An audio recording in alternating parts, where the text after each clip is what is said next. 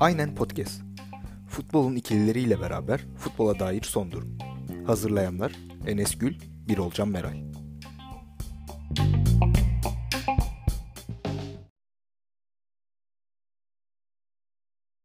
İkililerinden herkese selamlar. Ben Enes. Her zaman olduğu gibi Birolcan'la beraber sizlerin karşısındayız. Abi hoş geldin. Abi hoş bulduk. Son dakikada giriş yaparken evde sürahi patladı. O yüzden evde şu an kaotik bir ortam var. Evet arkadan küçük sesler gelirse e, kusura bakmayın. Aynen Abi öyle. bugün seninle beraber futbolun ikililerinde Süper Ligi konuşalım dedik. Hem geçtiğimiz hafta sonunda oynanan maçlar hem de bu hafta içi ve bu akşam oynanacak maçlara şöyle bir göz atalım dedik. Süper Lig gerçekten e, değişik bir hal almaya başladı. Hem alt ligler olsun hem üstteki şampiyonluk mücadelesi ve Şampiyonlar Ligi Avrupa Ligi mücadelesi olsun. E, o yüzden geçtiğimiz hafta sonundan başlayalım. Şimdi e, Süper Lig 2 puan durumuna göre üstten alta doğru gidelim dedik seninle beraber. En üst sırada da 66 puanla Başakşehir bulunuyor. Geçtiğimiz hafta sonu deplasmanda Antalya Spor'a o kadar eksik olmasına rağmen e, bir puan kaybı bekleniyordu Başakşehir'den. Ama 2-0'lık net bir skorla Antalya Spor'u geçmeyi başardılar. Bu hafta içerisinde ise Denizli Spor'u kendi evinde rahat bir şekilde tekrardan 2-0 yenerek 66 puanla liderliklerini sürdürüyorlar. Başakşehir'den başlayalım abi. Buyurun. Abi, merhabalar. Başakşehir'in bu iki galibiyeti yani şampiyonluğa artık %99 hayırlı olsun demek gerekir. Yani son düzlükte geçen senelerde hep bir çalkantılı bir düşüş, bir kontrolsüz yani el frenini indirdikten sonra o korkuları yok artık. Bunda tabii peşlerinde üç büyüğün olmaması da yani Trabzonspor'un uzun süredir şampiyon olamadığı için o şampiyonsuzluk sitesi. Yani Onlarda da Başakşehir kadar var. Trabzonspor'da da. Hı hı. Aynen. İşte Başakşehir buraları hep oynadığı için peşlerinde böyle bir güç olan bir takım yani güç derken Trabzonspor'da laf etmiyordum. Yani o anlaşılsın da yani hep ipi göğüsleyebilecek arkadan geldiği zaman bırakabileceği son zamanlarda böyle şampiyonluk olsa da olmasa da stres yaşamayacak takımlar olduğu için bu sefer kafaları çok rahat. Ve çok güzel bir şekilde yani ben Antalya Spor maçında puan kaybı bekliyordum. Beni yanılttılar ama Denizli maçında da yani gerekli oyunu oynuyorlar. Yani maç içinde e, adını söyle dinlenebiliyorlar. Evet. Yani oyuncuları kendi kondisyonlarını maç içinde yönetebiliyorlar. Bu onların büyük bir artısı zaten oynadıkları topa yani futbol kimsenin bir laf edebileceğini düşünmüyorum. O bakımdan tebrik ediyorum kendilerini. Sonuç arkalarında Beşiktaş, Galatasaray ve Fenerbahçe yani uzun yıllardır şampiyonluğu paylaşan üç büyükler haricinde e, yani Trabzonspor'dan sonra da Sivas Spor var aslında tehdit olarak. Tam Sivas Spor pandemi sonrasında kötü başladı. Ama e, sonuçta sıralamada Sivas Spor olduğu için Başakşehir'in arkasında o üç büyüklerin stresi geçtiğimiz sezonlarda olduğu gibi yoktu. Trabzonspor'da uzun yıllardır şampiyon Aynen. olamadığı için onların da üzerinde çok ekstradan bir e, baskı var ki onları görüyoruz son haftalarda kaybettikleri puanlardan ve oynadıkları futboldan dolayı. E, o yüzden Başakşehir bu iki haftada çok kritik galibiyetler alıp e, yoluna devam etti diyebiliriz. Çünkü Galatasaray'la beklenmedik yani e, kazanmalarını bekliyordu herkes. Ama Galatasaray çok iyi bir oyun kurarak onlara oradan bir, bir puanı çıkarmıştı. Başakşehir için de büyük bir kayıptı. Galatasaray için de artıydı aslında. Ee, oradan sonra o maçta da çok eksiğe rağmen daha demin de söylediğim gibi Antalya Spor karşısında çok net bir skor aldılar. Ardından Denizli ile de Denizli'nin gücünden dolayı Başakşehir'in kazanacağını herkes tahmin ediyordu ki öyle oldu. Ee, 66 puanla liderliklerini sürdürüyorlar. Abi ikinci sıraya geçersek de Trabzonspor var. Trabzonspor'da pandemi sonrasında ki bence sadece pandemi sonrası olarak da değerlendirmemek lazım. Benim e, kendi görüşüm Hüseyin Çimşir yani Ünal Karaman gidip Hüseyin Çimşir'i takımın başına geçirdikten sonra benim şahsi fikrim yani e, şampiyonluktan koptular diyebilirim. Yani şey olarak e, nasıl diyeyim o teknik direktör gücü olarak şampiyonluktan koptuklarını söyleyebilirim. Çünkü Hüseyin Çimşir'in hiç bu zamana kadar bir takım çalıştırmışlığı yok. Ancak e, Hüseyin Çimşir hamlesi Trabzonspor'u şampiyonluk yolunda büyük bir darbe olduğunu düşünüyorum. Geçen hafta sonu Galatasaray'a karşı e, Türk Telekom Arena'da 3-1'lik net bir galibiyet aldılar.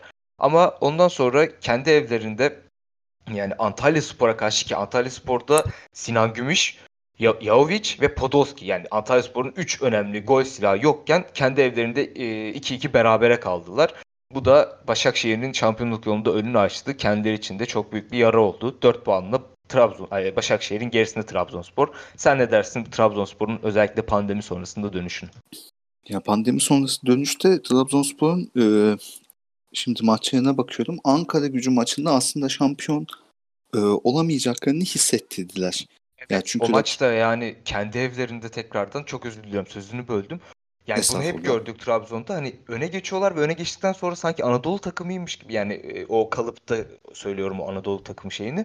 Hemen e, geri yaslanıyorlar ve topu rakibe bırakıyorlar. Ki Ankara gücü maçında Ankara gücü bu ligde topu ver e, topla oynayamayan tek takım olabilir. Yani o, ona rağmen Ankara gücünü oynattılar ve 10 kişi Ankara gücünde bir bir berabere kaldılar. Buyur abi devam edebilirsin. O maçta olan şey şuydu. Çok erken gol bulmak aslında sıkıntı. Şimdi yani Hüseyin, Hüseyin Çimşek'e de şey verebiliyorum. 3 puana 3. dakikada golü atmışsın Söldot'ta. Yani o dakikadan sonra yani 2'yi bulman lazım. Çünkü her süre uzadıkça 1-0'dan devam ettiği sürece senin için bir tehdit. ikinci farkı yaratman lazım her zaman. Ee, bu nedenle yani öne geçip şampiyon olacak takımın yani maç içinde dinlenmede bir şey demiyorum. Onu yapabilirsin. Hiçbir sıkıntı yok.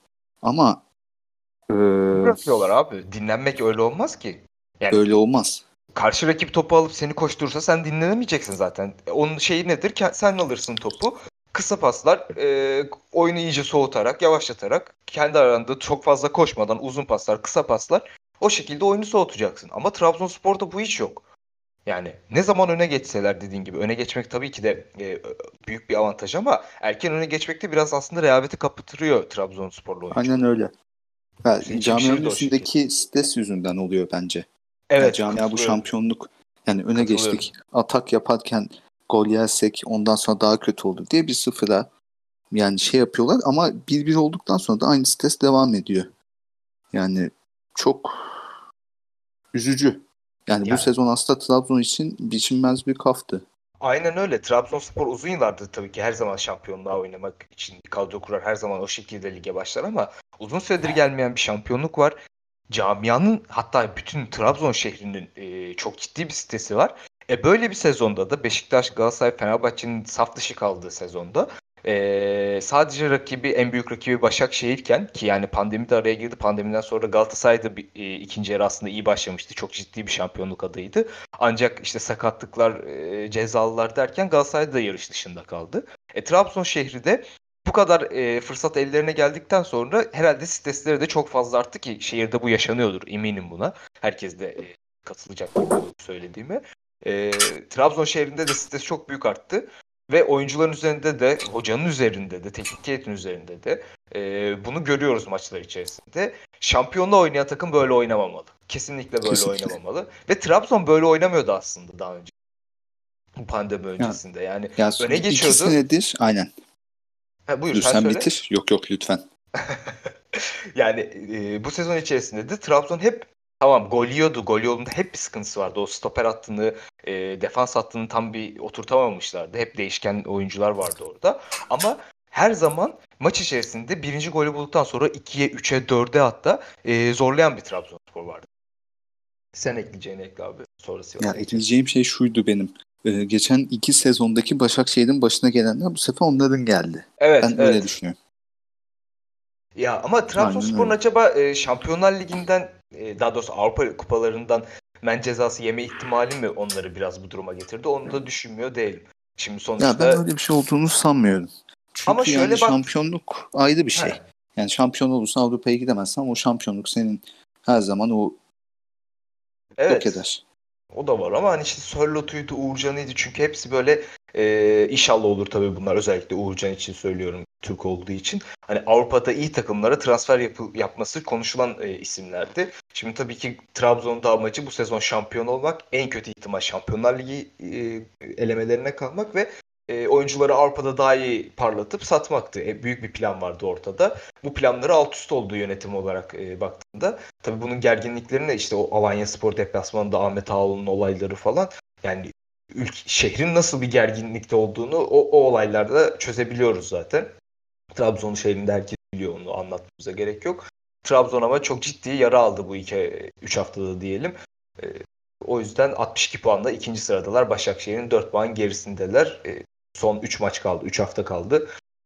Trabzonspor'un işi zor. Başakşehir'de şampiyonluğun şampiyonluğu neredeyse bitirdi diyebiliriz artık. E, ekleyecek bir şeyin yoksa Sivas Spor'a geçebiliriz ki Sivas Spor'da e, çok detaylı konuşabileceğimizi zannetmiyorum. Aynen Var mı yani. Trabzon'a ekleyeceğim bir şey? Ya Trabzon'a ekleyeceğim Ünal Karaman'ın gidişi yani Hı-hı. Benfica'nın bir tane teknik direktörü vardı. Tafi tarihinde. Avrupa Kimdi? Kupası şampiyonu olmuştu. Çok güzel bir şekilde. Sonra hocayı yolladılar. Hoca bir lanet okumuştu onlara. Bir daha Avrupa Kupası kazanamayacak diye ve Avrupa Kupalarında her çıktıkları finali kaybettiler. Acaba Ünal Karaman da böyle bir dua tarzı bir şey mi yaptı diye. Ee, Valla beddua ettiğimi bilmiyorum ama Rize'ye gitmesi zaten oradan sonra e, başlı başına bir şeydi zaten. Nasıl diyeyim? Aynen öyle. E, ekstra bir olaydı Trabzon şehri için. Bakalım Ünal Karaman'ın gidişi bence de yani Ünal Karaman gitse bile ki iyi durumdayken gitmesi ayrı bir konuşulacak bir konu. Ama e, Hüseyin Çimşir'in bu yolda yani ben şöyle söyleyeyim sana şu kadro Şenol Güneş'in elinde olsaydı veya örnek veriyorum Fatih Terim'in elinde olsaydı şu an büyük ihtimal Başakşehir'in 4-5 puan önünde şampiyonluğa gidiyordu. Kesinlikle. Trabzonspor. Kesinlikle bu Kesinlikle. E, bu durumda olmasın. Çünkü kadro çok iyi. Yani sağ bekin iyi, sol bekin iyi, atanın iyi, tutanın iyi, Sosa'nın oynadığı oyuna hayranlık duyuyorum. Yani e, çok fazla kadro derinliğim var. Bu kadro tamamen e, benim görüşüm hocanın şeyi ki yani burada Hüseyin Çimşek'e de bir şey diyemem. Sonuçta adamın ilk bu e, üst klasman tecrübesi. E, o yüzden yönetime yazar diye düşünüyorum eğer bu şampiyonluk giderse. Sivas'a geçelim abi. Sivas pandemiden sonra hiç de iyi dönmedi. E, son 4 maçında 2 beraberlik 2 mağlubiyeti var Sivas Spor'un. Bunlar Konya Spor'la berabere e, Kayseri Kayseri'ye evlerinde 2-0 yenildiler. Kasımpaşa ile deplasmanda beraber kaldılar ve e, dün Sivasspor Malatya maçı da Malatya'nın 1-0'lık galibiyetiyle bitti. E, Sivas'ın bu dön pandemiden sonraki dönüşüne ne diyorsun? Yani bu kadar düşüş yaşamalarını neye bağlıyorsun? Ya pandemide demek ki çalışmamışlar. Yani ben daha fazla zaten... e, Anadolu takımının daha e, kötü geleceğini düşünüyordum. Daha düşük tempolu oynayacaklarını düşünüyordum e, üst sıralardan Sivas'ın böyle bir hale düşmesi e, değişik oldu benim için. Yani Sivas Spor'un ya aslında Anadolu takımlarının ben bu fırsatları geri çevirmeyeceğini düşünüyordum. Büyük takımların sıkıntı yaşayacağını ama Anadolu takımları da kötü durumda. durumda. Zaten sezon bittikten sonra ne zaman başlayacak? Transfer dönemi nasıl olacak? Yabancı kuralı geldi. Yani bir anda bütün sistem alt üst oldu. O bakımdan nerede ne olacağı hakkında hiçbir fikrimiz yok şu an. Yani Sivas Spor'un ben daha da düşeceğini düşünüyorum. Yani EF'nin demiş gibi. Kalan maçlarına hemen bakayım senin için. Şimdi haftaya Fenerbahçe ile Kadıköy'de oynayacaklar. Ardından Gençler Birliği son haftada Göztepe ile oynayacaklar ki Fenerbahçe ve Göztepe maçları onlar için kritik maçlar. Ee, Gençler Aynen Birliği öyle. de fena durumda değil aslında. Ee, Sivas'ın bu 3 maç, maçta da 3 puan alması biraz zor gibi gözüküyor bu durumdayken. Ee, Sivas'a çok fazla değinmeden abi sen de şimdi bahsettin ona da aslında biraz e, dokunmak lazım. E, yabancı kuralı. Yani gülüyorum çok sinirlerim bozuluyor çünkü. Gerçekten çok saçma bir şey ki dün Galatasaray e, Alanya maçından sonra Fatih Terim'in açıklamaları da vardı. Çok doğru açıklamalardı. Çok güzel bir şekilde özetledi. E, ne diyorsun bu tekrardan yabancı kuralı geliyor ligi? Ya ya saçmalığın daniskası. Yani gerçekten yani ülkede bir şeyler başarılıyor, bir şeyler oluyor. Yani yabancı kuralının getirilmesi yani absürt bir şey ya. Yani bunun nedenini kimse açıklayamaz. Şey yaparsın bak. Yani mesela Katton'da 18 yaşın altında kendi altyapından oyuncu ya da baş Avrupa'nın ne bileyim yabancı ama U21 milli takımda oynamış oyuncuları zorlatırsın. Bunlara bir şey demiyorum. Ama senin aldığın oyuncular yani kimse ya zaten kimse kimseye 14 tane yabancı al demiyor. Yani bu kadar şey basit. Yapamazsın ki. Nasıl? Yani e, şey olarak üç büyükler dışında böyle 14 yabancıyı zorlayacak takım yok yani. Hani Aynen. Al, alırsın da ne kadar verimli oyuncu alırsın 14 tane yabancı. Çünkü yabancılar Tabii. hani verdiğin paralar ortada. Ne için geldikleri de ortada. Geneline söylüyorum bunu. Yapamazsın Aynen. yani. Ya şöyle yapsan daha mantıklı. Altyapından çıkardığın oyuncuyu oynattığın zaman teşvik parası ver. Hı hı. O zaten otomatikman bir yabancı sınırı gibi bir şey oluyor. Mesela altyapından 3 oyuncu oynatırsan direkt altyapından çıkmış mesela 1 milyon TL vereceğim sana maç başına. Evet, Bunu mantıklı olur. verdiğin zaman olur. O zaman o altyapıdaki oyuncuların etrafına takım kurarsın. Ama yabancı şeyi yaptığın zaman mesela 12 yabancı ne olacak? 8'i sahada olacak değil mi? İlk Evet. senesinde. Evet öyle diyor. Yani şimdi 8 tane yabancıyı koydun. Geri kalan 3 oyuncu. Yani çok zor. Ya çok saçma bir sistem ki Fatih Aynen. Terim de orada çok güzel değinmiş. Hani bizim sorunumuz yabancı sorunu değil, bizim sorunumuz altyapı sorunu.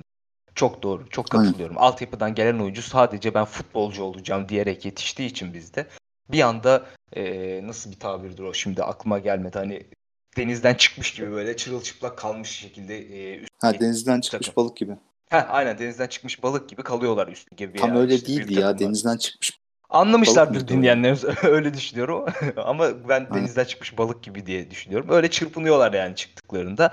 Altyapıda çok ciddi bir şekilde sorunumuz var. Yetiştiren hocasından e, yetiştiren ailesine kadar eğitim sisteminden her türlü baştan aşağı altyapı sistemini değiştirmeli lazımlar. Bu kadar yıllardır e, yabancı kuralıyla uğraşanlar. Bunu söylüyorum. Şimdi Şenol Güneş'in açıklamalarını gördüm mesela kayıda başlamadan önce. Şenol Güneş demiş ki bu mantıklı da oluyor. Hatta daha da aza indirmemiz lazım tarzında açıklamalar yapmış. Şimdi Şenol Güneş'in bunları kendi isteğiyle söylediğine ben inanmıyorum. Çünkü Şampiyonlar Kesinlikle Ligi şey yok. Beşiktaş'ta ş- e, Beşiktaş'la Şampiyonlar Ligi'ne çıktığında kaç tane yabancı oynattı ortada. Kaç tane yabancıyla Aynen. Şampiyonlar Ligi'nde rekor kırdığı ortada. Şimdi Şenol Güneş'in kesinlikle buna katılarak e, yani bunu düşünerek söylediğini zannetmiyorum. Ben de. Tamamen Futbol Federasyonu'ndan böyle bir karar çıktığı için ters düşmemek için söylediğini düşünüyorum. Ee, o yüzden üzüldüm bir yandan da Şenol Güneş'ten böyle şeyleri, e, bu, bu cümleleri duymayı. Çok gereksiz buluyorum bu e, yabancı kuralını. İnşallah olmaz diyeceğim ama geliyor gibi, e, durduramayacağız gibi gözüküyor. Çok büyük bir hata yapmış olacak Türk futbolu. İnşallah bir an önce döneriz diyorum ve abi e. Galatasaray'a geçiyorum. Galatasaray pandemi öncesinde ee, en son Beşiktaş'ta seyircisi ilk maçı vardı. Orada berabere kalmıştı. Ondan öncesinde de Sivas Spor'la deplasmanda berabere kalmıştı. İkinci yarıya Galatasaray çok iyi başladı. Yani e, sezon ikinci yarısından bahsediyorum. 8 maçlık bir galibiyet serileri vardı. İşte ondan sonra dediğim gibi Sivas ve Beşiktaş beraberliklerinin ardından pandemi arasına girdik. Ve pandemiden sonra da çıktığı 5 maçta 3 mağlubiyet 2 beraberlik aldı Galatasaray. Galatasaray'da durumlar baya kötü. E, Fatih Terim'in bir Instagram'dan da yanlış hatırlamıyorsam dün ya da ondan önceki gün bir fotoğraf paylaştı. Bu forma hiç e, kuru asılmadı oraya diye. Çok ciddi bir şekilde yazın e, daha doğrusu yazdayız zaten de bu transfer sezonunda operasyon yapacak gibi Fatih Terim takıma. Ne diyorsun Galatasaray'ın bu performansı için? Ya Galatasaray'ın aslında yapması gereken ilk şey bu maaş yükündeki oyunculardan kurtulması. Her senenin başında yüklü miktarlarda yabancı oyuncu alınıyor. Müthiş paralara. Yani ve ellerde kalıyor. Yani yeniden bir yapılanmaya bütün takımların gitmesi lazım. Bu yapılanmadan nasıl çıkacak kaç onu merak ediyorum. Ve Galatasaray aslında çok e, maaş konusunda çok büyük sıkıntıları var. Nasıl halledeceğine dair bir fikrim yok ama her zaman ismi olan insanları böyle Arabistan'a falan yollayabildiği için Türk takımları oradan bir çıkış yolu yapabileceğini düşünüyorum. Ya Muslera'nın ne zaman döneceği çok önemli aslında Fatih Terim için. Yani ikinci Kapadı yarı diyorlar. İlk yarıyı kapadı mı diyorlar? Yani e, en az zaten e, şimdi erken de başlayacağı için ilk Eylül 11'de başlayacak. Erken başlayacağı için ilk 3 ayını falan kaçıracak ligin. İlk başladıktan sonra. E, ondan sonra da nasıl gelecek belli değil. Hani ilk yarıyı ilk yarı kapadı gibi gözüküyor en azından. Yani ilk yarısı ya ilk yarı için bir tane kaleci bulmaları lazım. Okan Gocuk'ta olacak bir işe benzemiyor bu. Yani öyle gözüküyor şu aşamada. Aynen öyle. Yani kadroda Evet. temizlenmesi lazım. Yani herkesin kadrosunu temizlemesi lazım. Fegoli'nin Trabzon maçında yaptığını ne diyorsun? Ki ben çok Ya- yakın Galatasaraylı arkadaşlarımla konuştum. Çok uzun süredir e, ya ben o kadar dikkatli izlemiyordum Fegoli'nin böyle olduğunu. Çok uzun süredir büyük maçlarda çok ciddi satıyor maçları dediler. E, Ha, nedenini sordum. maçında hep aynı şeyi Trabzon yapıyor. maçında yaptığı şey Sivas Spor ve Beşiktaş maçlarında kaçırdığı goller çok ciddi yani Fegoli klasında oyuncuların yapmaması gereken şeyler. Yani neden böyle yapıyor diyorum onu da bir şey diyemiyorlar. Ama e, Fegoli sezon sonunda gidecek gibi gözüküyor Galatasaray'dan. Aynen Fatih Terim cezasını kes, kesecek diye düşünüyorum. Evet oynatmayabilir bundan sonra. disiplinsiz, yani disiplinsiz hareketleri sevmez. Zaten Yani- bence yaptığı e, açıklamada o Fegoli'nin şeyinin üzerine tabii birkaç oyuncu daha vardı tabii ki takım içerisinde. Sadece Tabii. Feguli üzerinden öyle paylaşım yaptığını zannetmiyorum ama e, büyük bir şeyi Feguli'nin o hareketinden sonra oldu gözüküyor Galatasaray'ı e, Fatih Terim'in. Galatasaray zor durumda şimdi tabii 52 puanda kaldılar. Hem e, Trabzon'a kaybettiler hem de dün akşam Alanyaspor'a karşı 4-1'lik yenilgileri oldu. E, ki Alanyaspor'a karşı aslında iyi fena da oynamadılar fakat çok fazla yetenek sıkıntısı çektiler ön tarafta özellikle. Sadece Belhanda'nın ayağına kaldılar. E, ama tabii e, işte karşı tarafında ileri hücum attığı yetenekli olunca bulduklarını kaçırmadı ve 4-1'lik bir skor ortaya çıktı. 52 Kesinlikle. puanda Galatasaray 4. sırada. Arkasında Alanya Spor e, 51 puanda ve Fenerbahçe ile Beşiktaş 50 puanda ki Beşiktaş bu akşam oynayacak maçı. E, önüne geçme ihtimali var Galatasaray'ın.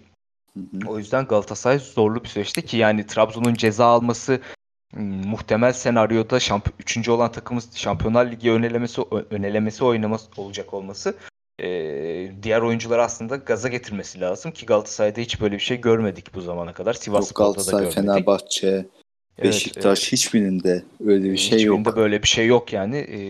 Ne- herhalde ceza gelmeyecek diye düşünüyorlar. Bilemiyorum. Galatasaray'ın işi de sezon sonuna kadar zor. Ciddi bir yapılanmaya gidecekler gibi gözüküyor diyelim. Kesinlikle. Ve Alanya Spor'a geçelim. Abi Alanya Spor beni çok şaşırtıyor. Ee, Erol Bulut'un oynattığı futbolu daha önceki takımlarında da oynattığı futbollar her zaman e, ilgi çekiciydi. Öyle de devam ediyor.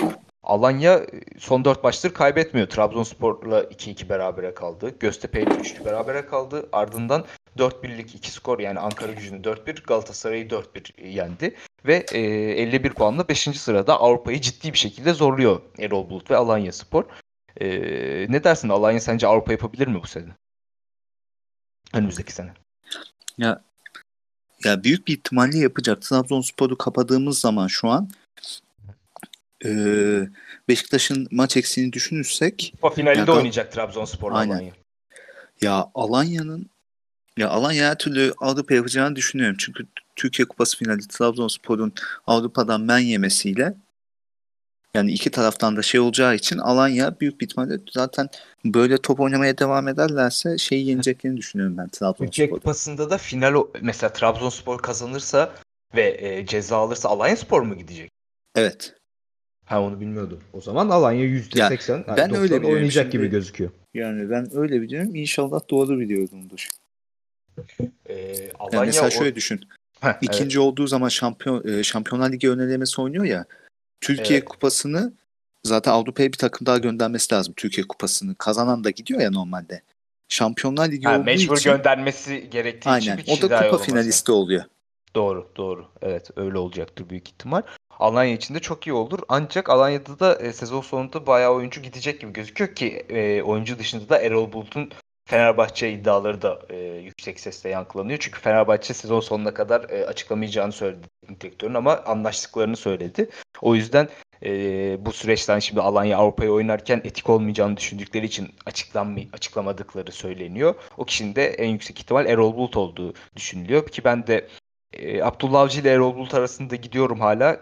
Abdullah Avcı'yı neden düşünüyorsun dersen ve hani Abdullah Avcı'yı neden açıklamıyorlar diyorsan da Beşiktaş'ta olan sözleşmesinden dolayı açıklamıyor olabilirler. Çünkü Beşiktaş hala maaşını ödüyor Abdullah Avcı'nın. Aa, Bir kötü kulüple, kötü haber. Bir kulüple anlaşırsa maaş kesin yani maaş ödemeyi bırakacaktı Beşiktaş. O yüzden e, Abdullah Avcı'yı da ben bir bir yandan e, olabileceğini düşünüyorum. Ama tabii ki en yüksek ihtimal Erol Bulut. Alanya Spor için de e, güzel bir sezon oldu. Güzel bir sezon oluyor. Avrupa yapacaklarını düşünüyorum. E, önümüzdeki sezon kadroyu kadrodan birçok oyuncu gidecek. Mesela Papi Sisse ile e, Ens- Ensekala Beşiktaş'la anlaştığı söyleniyor. Sisse için de görüşmeleri olmuş. E, yanlış Aynen. bilmiyorsam Wellington da transfer yapacak. E, Morofon, Morofona şey e, evet kalecileri Morofona e, çok iyi bir sezon geçirdi. O da bir transfer yapabilir ki e, hem Galatasaray'ın hem Beşiktaş'ın kaleci transferi yapacağını biliyoruz. Orada da bir e, e, Alanya bu güzel sezonu iyi değerlendirdi. Seneye bu kadar iyi olabilir mi bilemiyorum tabii ki. Fenerbahçe ve Beşiktaş'a geçelim. Son iki takımı konuşalım. E, Fenerbahçe son haftalarda değişik bir 80'den sonra gol e, periyoduna girdi. Bu Fenerbahçe'nin aslında kulüp tarihinde de bayağı olan bir şey. E, ne dersin Fenerbahçe'nin son haftalardaki performansına? Son 3 maçtır kaybetmiyorlar. Malatya'yı 3-2, Fener Göztepe'yi 2-1. Dün akşam da e, Birliği'yle 1-1 Tabii beraber kaldılar. 1-1. Aynen. Ya Fenerbahçe son düzlükte yani büyük takım refleksini veriyor. Evet. Yani bu çok önemli bir şey. Yani Ki çok zor, yani en zor durumda olan kulüplerden biri her açıdan teknik Aynen olsun, öyle. oyuncu olsun. Yani şu an hiçbir şey hakkında bilgileri yok. Ben Ali Koç'un da kafasında 6 oyuncuyla anlaştıklarını söylüyorlar ama ya emin değilim neler yaptıklarına dair. Evet biraz e, taraftarı da oyalama şeyde açıklamaları olabilir onlar. Her senede yapılanma yapa yapa yapa yapa yani bataklık yaratıyor gibi bir düşüncem var ve korkutuyor beni. Yani Ama bu kendi her, çıkarmak her. Türk kulübü için aynı değil mi abi? Her her Türk kulübü her sezon sonunda eğer şampiyon olmadıysa ki Beşiktaş mesela 15-16 sezondan sonra da yapılandı. 16-17 sezondan sonra da yapılandı. Şampiyon olduktan sonra yani. Ya bu bizde bir şey gibi oldu. Yapıştı üzerimize bütün kulüplerimizin adına. Yani ne olursa olsun yani şampiyon da olsan, iyi bir Avrupa sezonu geçirsen veya işte ne bileyim üst sıralara oynasan hep bir yapılanmadayız. Bu yapıştı gibi geliyor bana. Bilmiyorum sen katılır mısın? Kesinlikle katılıyorum sana. Yani söylediklerinin altına imzamı atıyorum. Teşekkür ederim. Direkt. Çok teşekkür ederim. Rica ederim.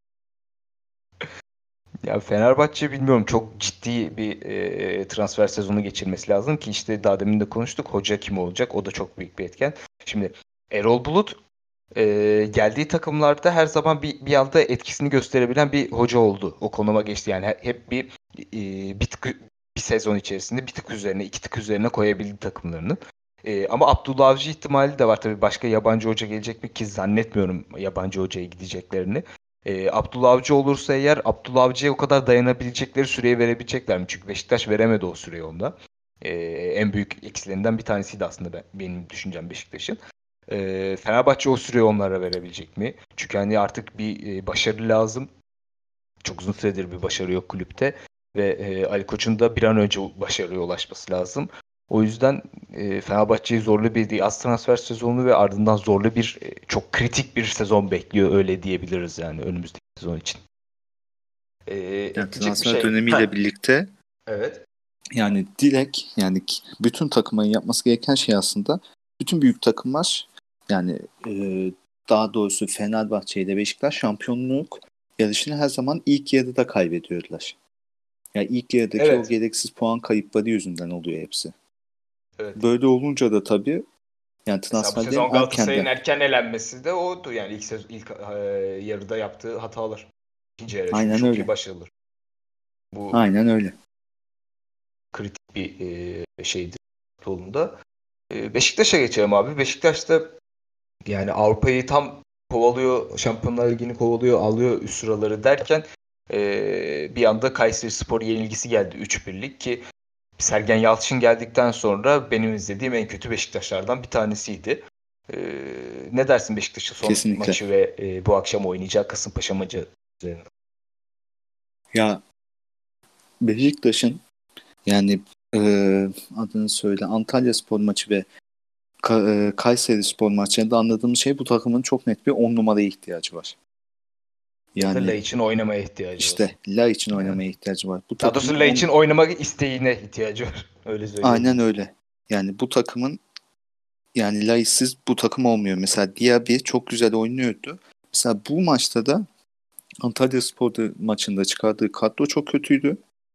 Ondan sonra herkes zaten farkındaydı. Bu maçta da yaptığı değişiklikler çok kötüydü.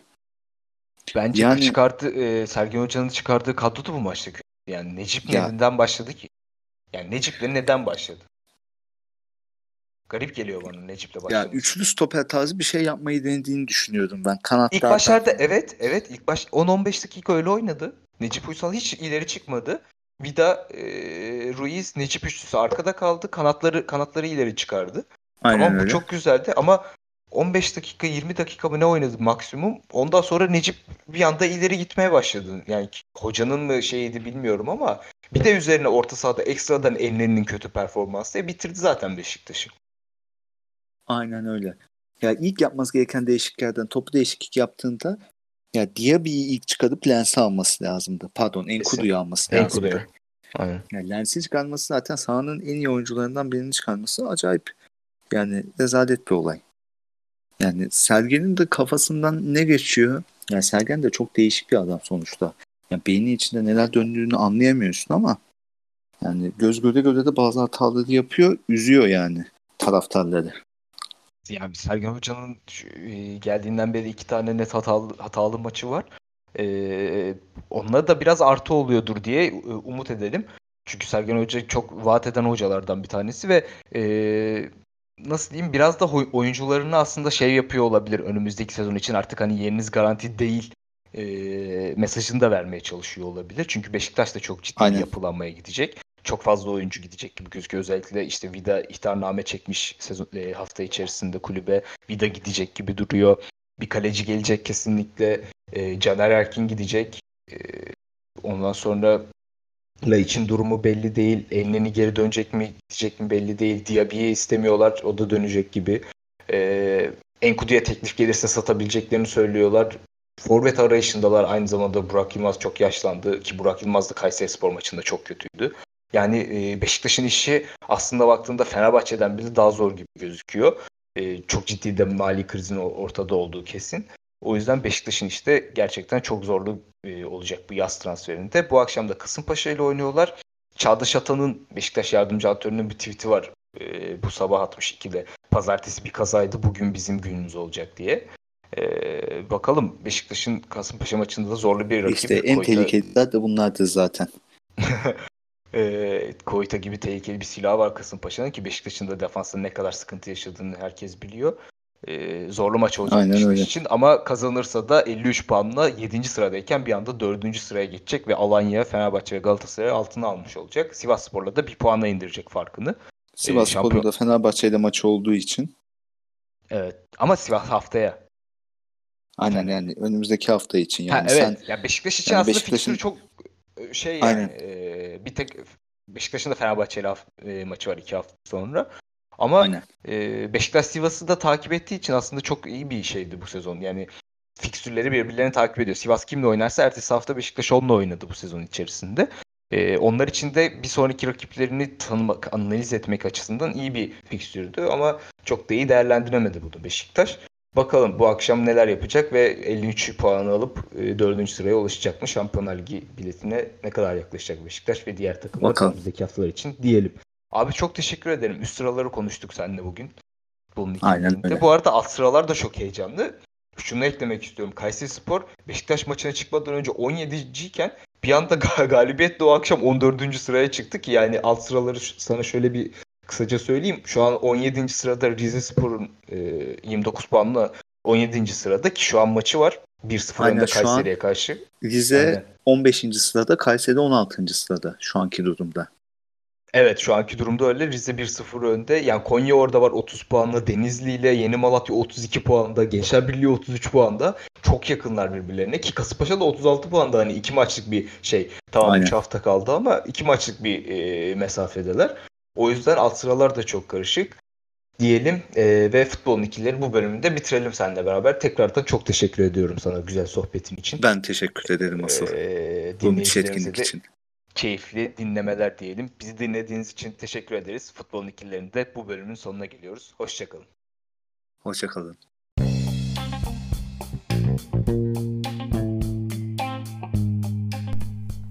Aynen Podcast. Futbolun ikilileriyle beraber futbola dair son durum. Hazırlayanlar Enes Gül, Birolcan Meral.